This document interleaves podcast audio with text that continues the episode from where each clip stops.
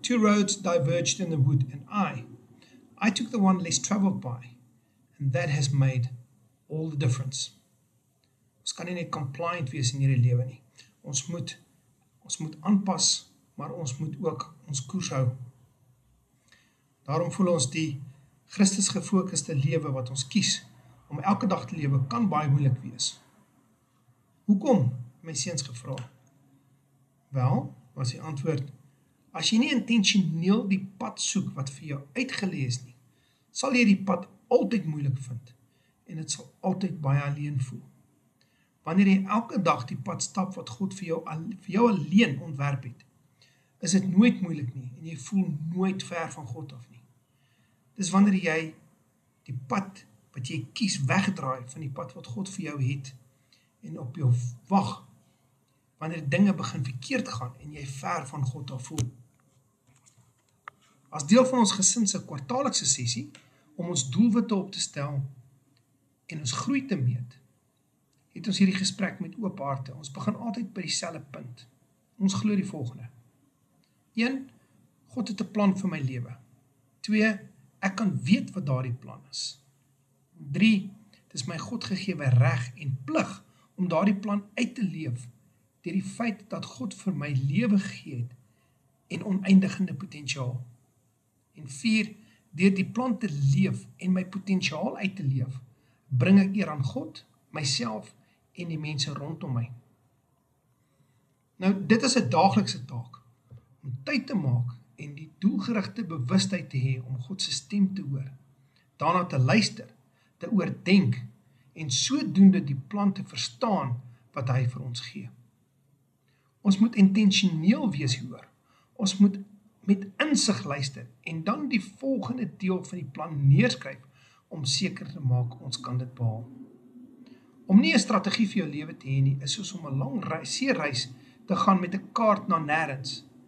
Dis presies waarheen jou lewe sal lei, nêrens. God het die mensdom gelei om kennis te ontwikkel en dit te gebruik tot sy eer. Mense hou so krampagtig vas aan die verlede en nie so baie so bang vir die onbekende. Hulle verwerp baie vinnig nuwe konsepte as new age en net om net nie te veel energie te spandeer om dit te verstaan nie. Idees soos gravitasie en antibiotika word ook nie in die Bybel genoem nie, maar tog aanvaar mense dit sonder voorbehoud. Ons breek ons lewensstrategie op in vyf perspektiewe. Hierdie is ook die paradigmas wat bepaal hoe ons ons lewe sien en hoe ons ons klein, ons plek daarin sien. Die konsep van what gets measured gets improved is al in 1950s bekend gestel. Dis die enigste manier hoe ons ons lewens kan verbeter is om die groei in Christus te meet en dit dan die nodige veranderinge aan te bring om weer op koers te bring. My jongste is 9 jaar oud en selfs hy verstaan dit. Ons as gesin doen hier op 'n kwartaallikse basis in klein stappies vir almal om by te bly. Slegs wanneer die hele gesin inkoop word hierdie 'n lekker gesinsaktiwiteit en familiedoelwitte word 'n sentrale familiefokus om elke familielid te help om hulle telkaart te balanseer aan die einde van die kwartaal. Een is leer en groei. Hierdie perspektief gaan oor wat ek moet leer om God se plan vir my lewe beter te verstaan en die persoon te word wie ek gebore is om te wees. Dit wys ook in watter area ek intentioneel moet groei.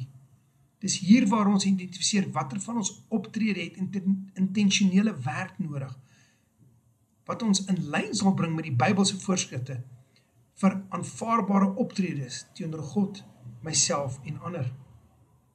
Tweedens is daar die interne prosesse. Ons gewoontes, ons habits.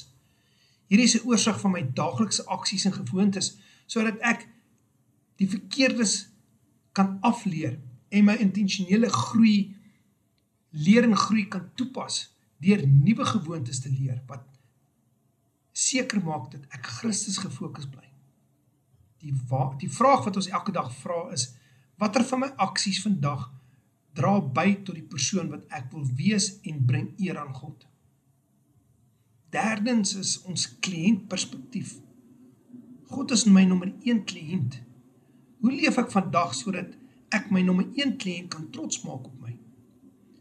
Hoe moet ons vir ons nommer 1 kliënt lyk sodat hy elke dag aanhou om in ons te belê en sy seëninge oor ons uit te stort?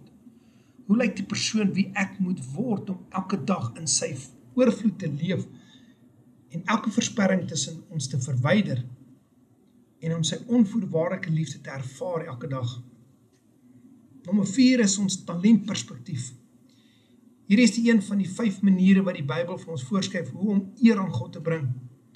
Ons meetinstrument is om elke dag my talente waarvan ek weet te ontwikkel om die eer te bring aan God.